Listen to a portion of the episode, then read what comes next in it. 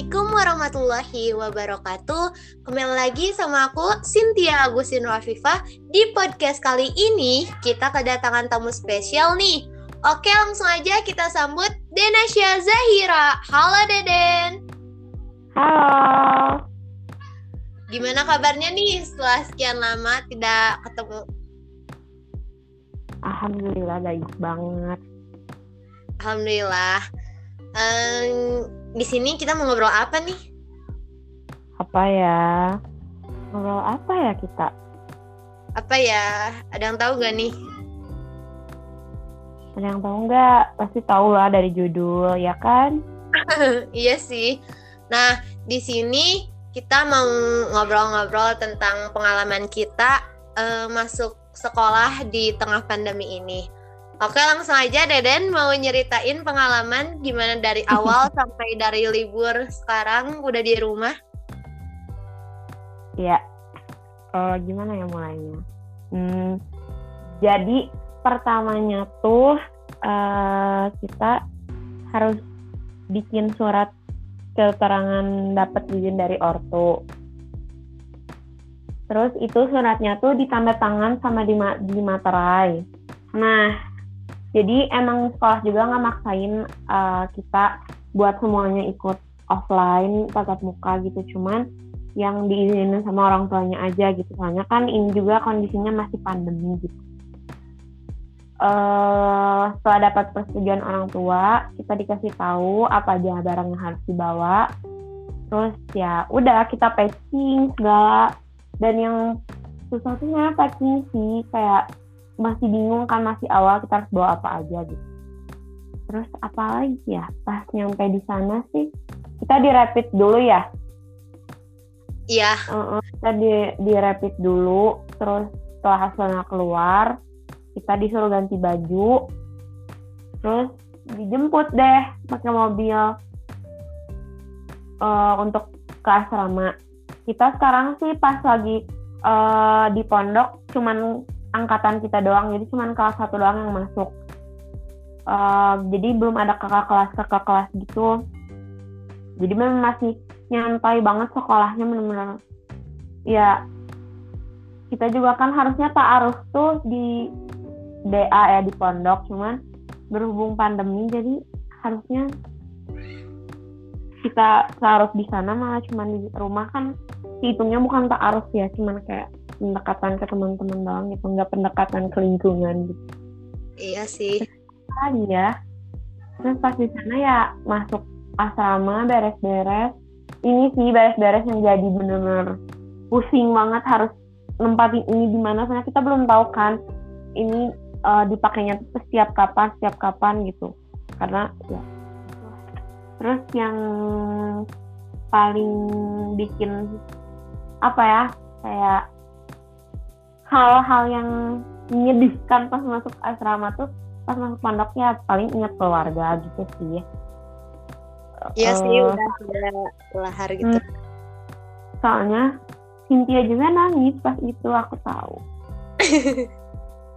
Karena kayak apa ya, soalnya kan kita lama banget ya sekolah di rumah, dari rumah gitu. Terus pas masuk benar-benar dua bulan tanpa ada penjengukan gitu. Jadi kayak ya berat sebenarnya cuman ya mau gimana lagi susah emang kalau apalagi kita kan baru masuk ke sekolah baru gitu jadi harus tahu lingkungannya kayak gimana. Kalau takutnya ntar malah kaget gitu. Itu sih yang berat sebenarnya yang berat pas masuk tuh cuman karena kayak ini keluarga doang gitu. Kalau yang lainnya sih seru-seru aja ya kayak temen gitu. Mungkin temen gimana Iya sih kayak gitu. Nah aku mau nanya nih, um, gimana nih waktunya? Nah selama um, perbedaan gitu antara sekolah biasa sama, um, sama yang kemarin gitu, COVID. Apa dibatas waktunya atau enggak? Apa enggak kedengeran?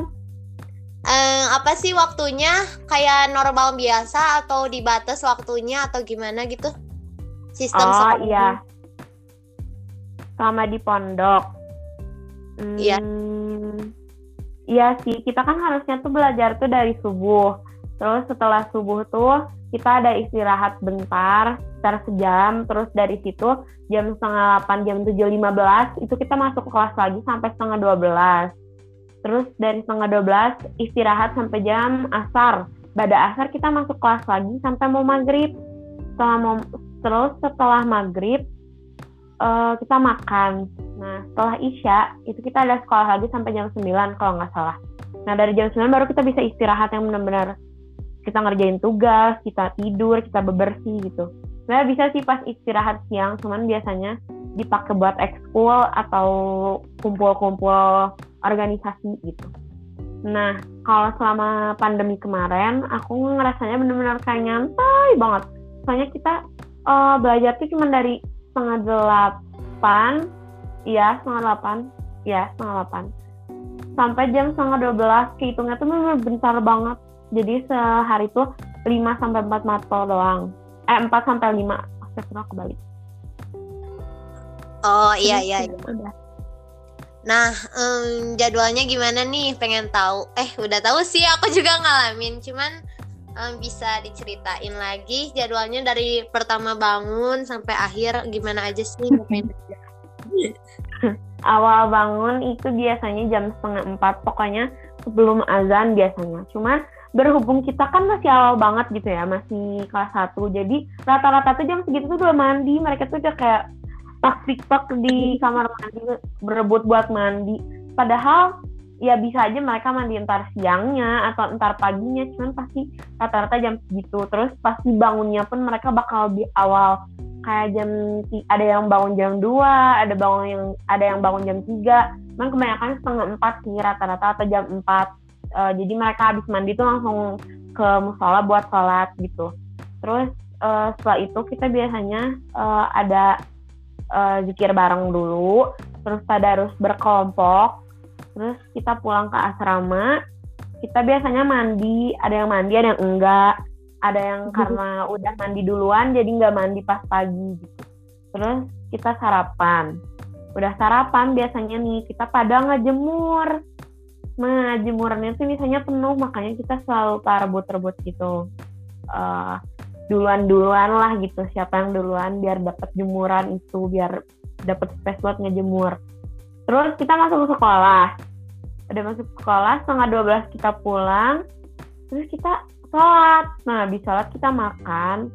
Nah di makan ini kita biasanya ngegabut sih. Kalau misalnya nggak ada organisasi gitu biasanya ada zoom IPM cuman itu cuma beberapa kali doang. Terus uh, biasanya kita tidur atau main. Kalau aku sih biasanya tidur soalnya masih nikmatin jam-jam kosong di jam segitu gitu. Terus bangun sebelum asar terus sholat nah dari asar ini kosong. Uh, waktu 10 hari pertama sebulan pertama kosong. Terus uh, makin ke sini makin ke sini mendekati jadwal kepulangan itu kita baru ada apa sih? Uh, kayak dari lembaga bahasa gitu ya? Ya dari lembaga bahasa kita kayak kursus bahasa Arab gitu dia, tapi cuma bentar sih itu nggak sampai jam setengah enam gitu jam lima kurang lima belas juga udah beres. Terus setelah itu kita pulang biasanya uh, siap-siap buat sholat udah sholat kita makan udah makan sholat lagi saat isya terus abis saat isya kita udah deh kosong kesannya benar-benar kosong banget. Uh, abis sholat isya biasanya kita absen dulu. Kalau waktu awal-awal banget kita absennya masih pakai HP sendiri sendiri. Dikasih 15 menit doang. Uh, tapi makin ke sini makin ke sini cuman dikasih HP KM atau HP yang kayak sama guru kita diambil acak gitu random per asrama gitu. Jadi seasrama cuma satu HP buat absen tuh. Nah dari situ udah dari kosong. Nah itu biasanya beres cuma jam 8 setengah 8 juga udah beres. Jadi waktunya memang banyak sebenarnya uh, buat leha-leha gitu. Biasanya ada yang ngerjain tugas ada yang mandi. Jadi ya sebenarnya masih seru gitu. Dan aku paling nikmatin tuh uh, waktu-waktu di asrama sih kayak seru gitu. Cuman pas awal emang pasti awkward banget gitu sama teman-teman. Cynthia juga pasti ngerasain. Iya sih. Nah, um, kalau misalnya kan ini lagi zaman corona kayak gini, apa di apa pakai social distancing atau protokol kesehatannya kayak gimana nih? Hmm, itu kita uh, waktu awal tuh bener-bener mau ke asrama lain pun kita harus pakai masker.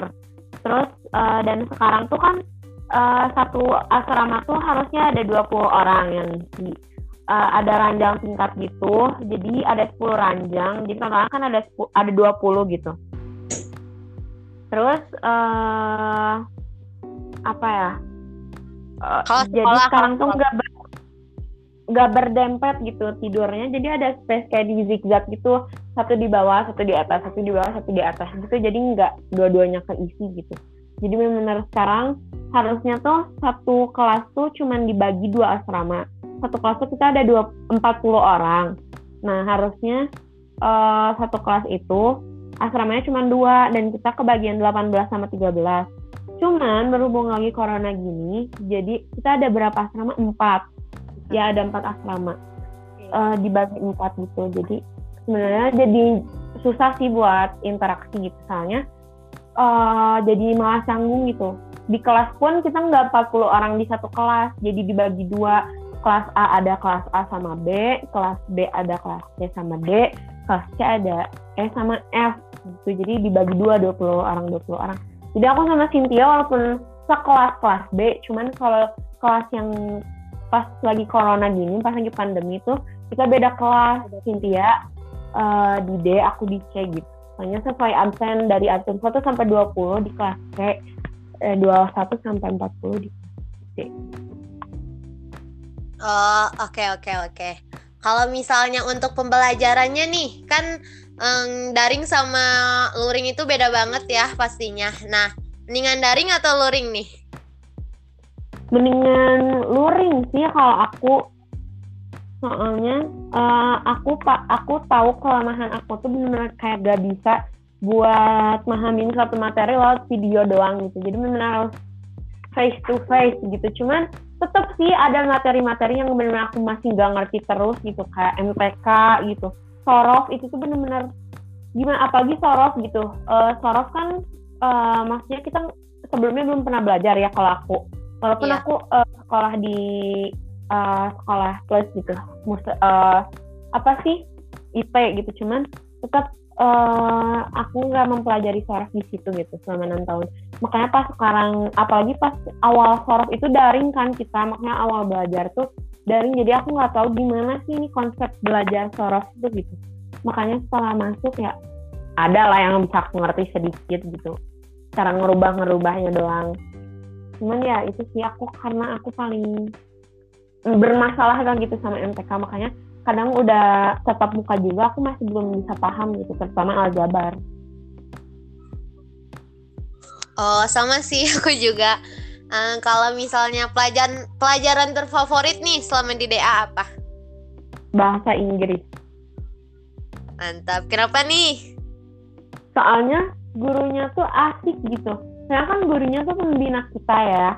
Uh, sebenarnya kalau emang bukan pembina tapi emang dasarnya asik gitu ngajarnya seru-seru aja sih bener-bener belum pernah ada ulangan harian. Sedangkan guru lain tuh ya Allah kayak kita baru seminggu udah ada ulangan udah ada ulangan. Sedangkan mereka ada yang masih daring juga gitu ngajarnya kayak ah nah. Nah apa sih tadi yang dibilang ada yang masih daring? Nah maksudnya gimana nih jadi uh, gurunya tuh uh, dia tuh guru di luar. Jadi nggak uh, rumahnya tuh bukan di dalam lingkungan DA di lingkungan pondok. Nah guru dari luar tuh dilarang buat masuk ke dalam pondok soalnya kita uh, DA tuh benar-benar ngejaga banget protokol kesehatannya.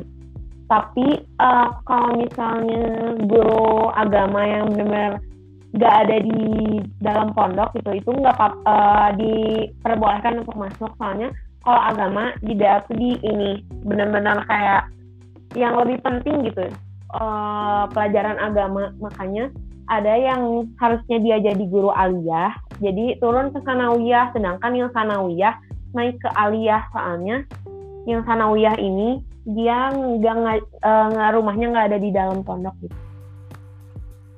Oh gitu gitu gitu. Gimana nih rame gak? Rame. Rame sih ya walaupun uh, terhalang sedikit karena pandemi, tapi ya, setidaknya gitu berinteraksi. Ya. Uh -uh apalagi nih kesan-kesan di DA atau apa sih yang bikin rame di DA gitu? Yang bikin rame ya pasti temennya gak sih? i.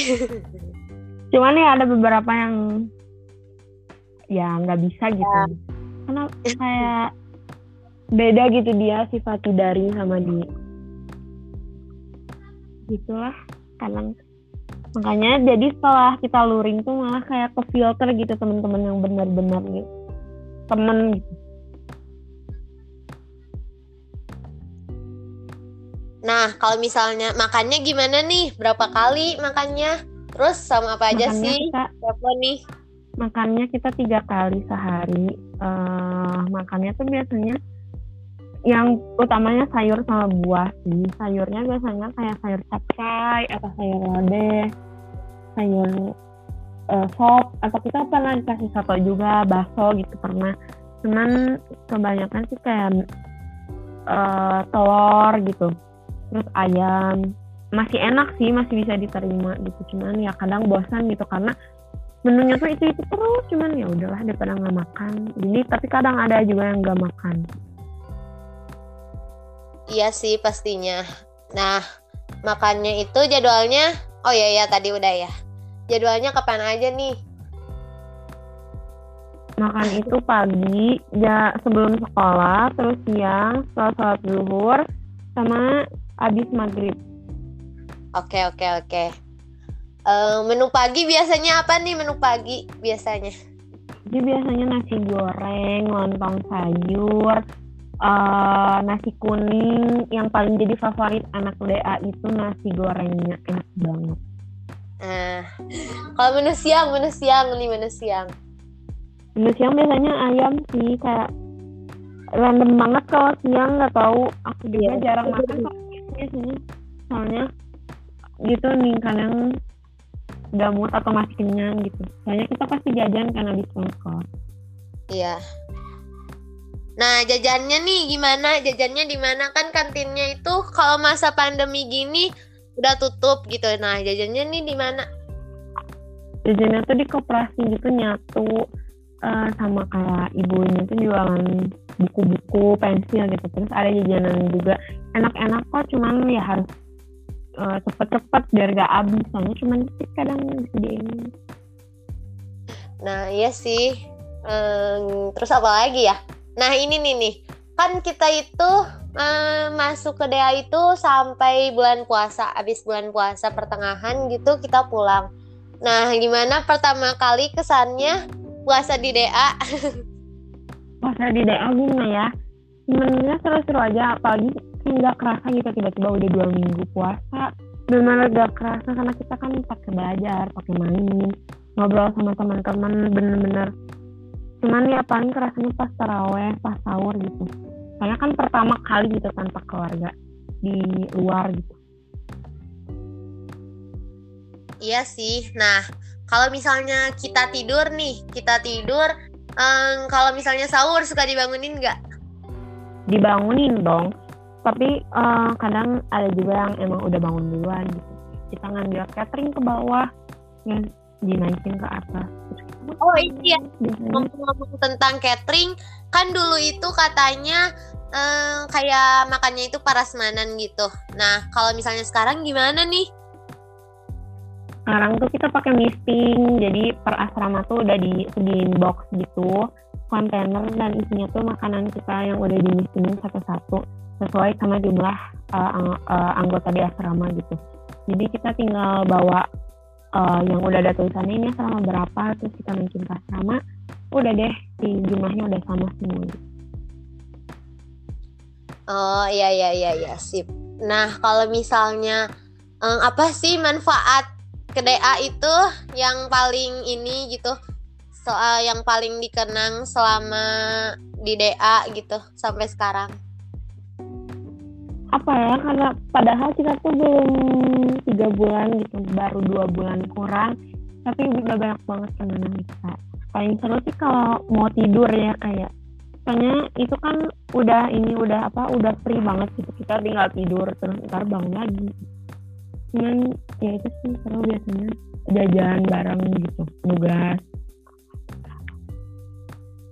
kalau libur nih libur hari apa aja libur hari Jumat doang. Cuman hari Jumat doang cuman kalau lagi libur bulanan itu biasanya Kamis Jumat. Cuman selama kita sebulan pertama itu banyak libur sih kayak ada tes psikotes. Tes psikotes? Psikotes. Terus ya. uh, apa sih? Uh, Isra Mi'raj gitu jadi kita libur lama banget kayak tiga hari gitu. Dipakai buat apa nih ngapain aja? Main soalnya ngobrol. Soalnya kita kan gak dikasih HP ya. Jadi iya. tapi asik ngobrolnya. Jadi terus nggak nggak ini juga nggak nggak ngestak gitu. Kita harus ngobrolin apa kayak ada aja gitu yang bikin kita ketawa bikin kita ngobrol. Iya sih pastinya. Nah kalau misalnya di daring gini sama di luring uh, apa sih yang uh, apa sih maksudnya tuh um, kayak hal-hal yang um, jadi kalau misalnya di luring itu kita tuh um, kayak fokus bener-bener gitu. Kalau di daring gimana nih?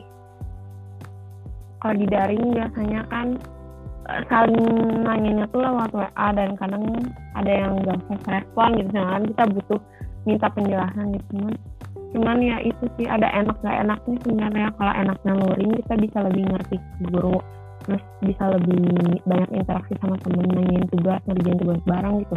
Kalau daring lebih ke individu gitu ya lebih kesan dari sendiri banget gitu.